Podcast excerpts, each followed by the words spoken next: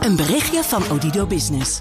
Hoe groot je bedrijf ook is of wordt, bij Odido Business zijn we er voor je.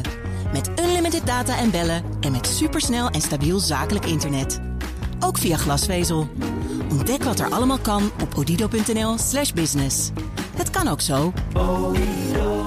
De column van Paul Lasseur. Deze week is het precies een jaar geleden dat de reisbranche begon met de uitgifte van corona-vouchers. Aan consumenten waarvan de reis vanwege corona moest worden geannuleerd. De tegoedbond geeft recht op een nieuwe vakantie zodra het weer kan, of anders teruggave van het geld. Reisorganisaties hebben zich daarbij verplicht om uiterlijk binnen één jaar contant uit te keren.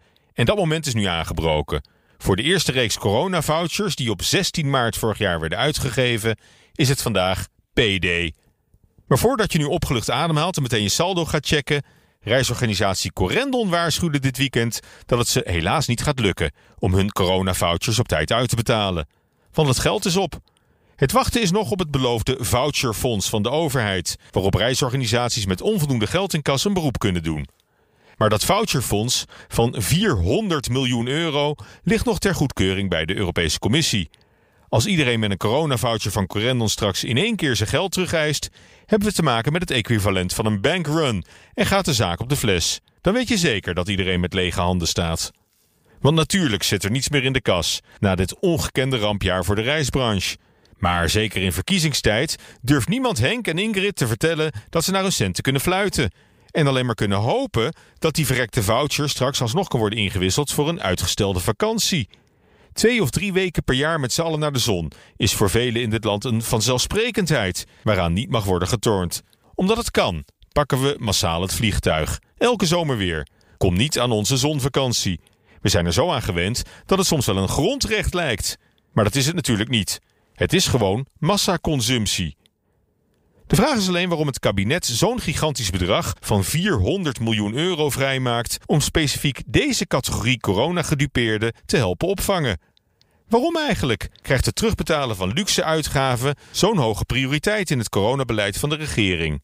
Caféhouders laten creperen en de cultuursector laten barsten, maar dan wel alles op alles zetten voor 100% compensatie van teleurgestelde vakantiegangers.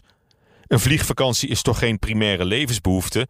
We kunnen gemeenschapsgeld beter maximaal inzetten om de echte slachtoffers van deze coronacrisis er weer bovenop te helpen.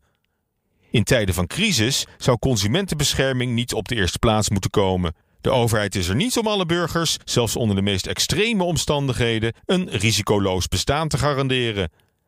Laten we de pijn van de crisis liever een beetje verdelen.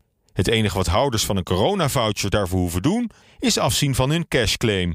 En gewoon even wachten tot ze met hun tegoedbon weer op reis kunnen.